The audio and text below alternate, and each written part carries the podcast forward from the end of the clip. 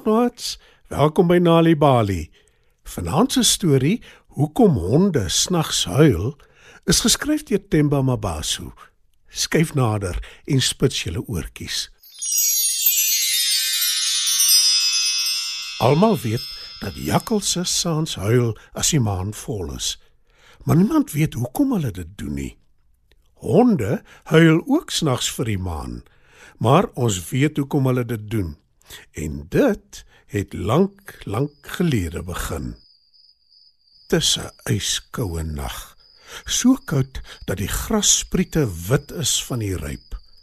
'n Ysige wind waai om elke hoek en draai. En arme hond bring die nag buite deur. Sy mense is nie by die huis nie. Iemand kom voer hom elke dag en bring vir hom water, maar hy moet ongelukkig buite slaap totdat hulle terugkom.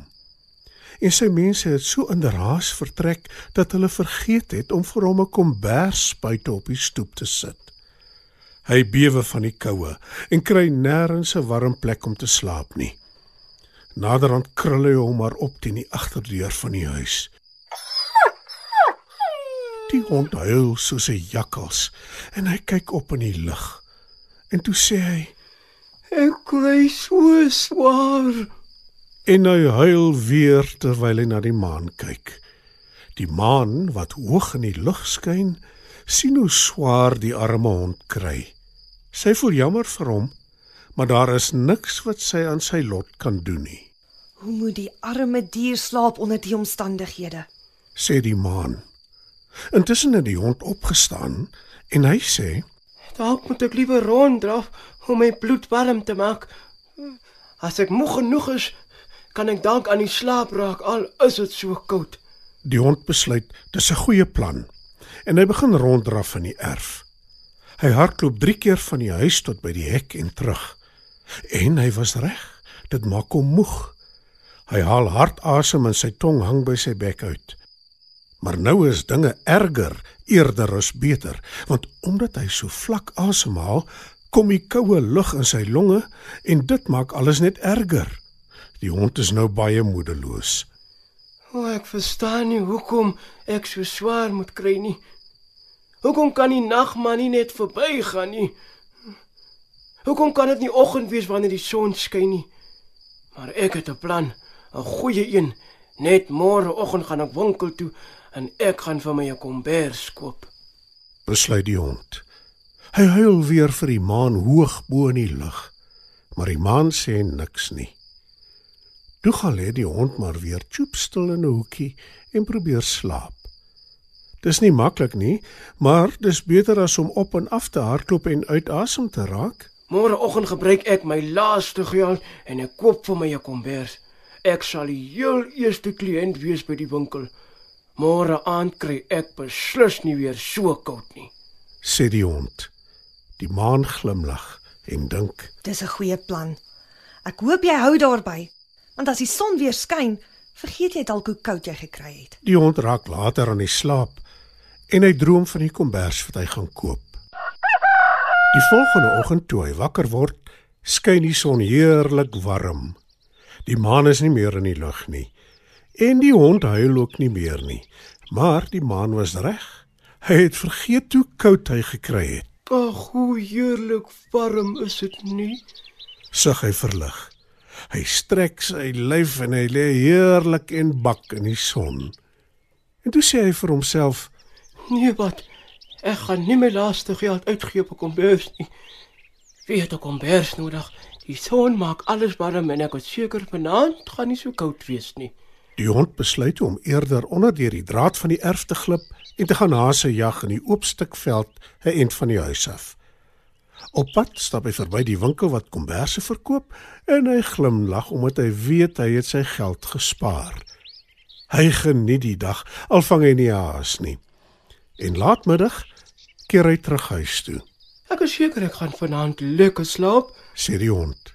Maar hy is verkeerd, want die aand is dit weer ysig koud. Die gras is weer wit van die ryp en die maan skyn weer helder in die lug.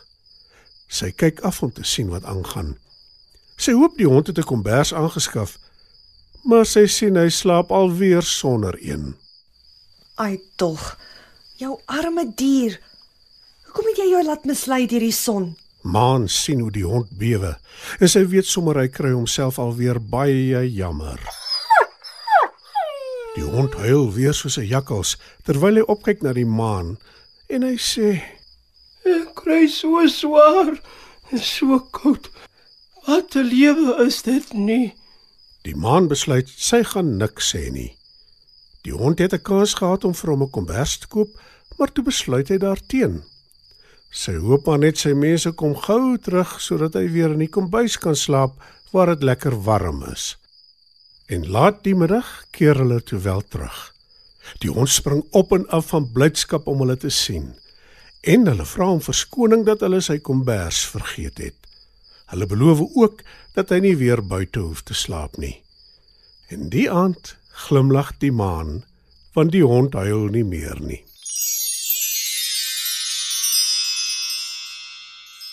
Dit was dan nog 'n Nali Bali storie. Hoekom honde snags huil is geskryf deur Themba Mabaso. Die storie is aangebied deur die Nali Bali leesvergenot veldtog in samewerking met SABC Education. Klas. Het julle geweet dat om te teken, te sing, stories te vertel en gedigte voor te dra, alles dinge is wat julle by die huis kan doen? En dat al die dinge julle help om beter te kan lees. Sjoe, juffrou, dis goed om te weet. Ek is lief vir teken en vir lees. Geletterdheid begin met stories tuis. Het jy 'n storie om te vertel? Stuur jou storie in in enige van die amptelike tale na stories@nalibali.org en dit word dalk gepubliseer. Nalibali. Dit begin met 'n storie. Ai ai die windbos kraai hier vandaan na Mosselbaai hoe gevlieg en lag geswaai by die groot see omgedraai raai raai jou bietkapai het sy riet gevier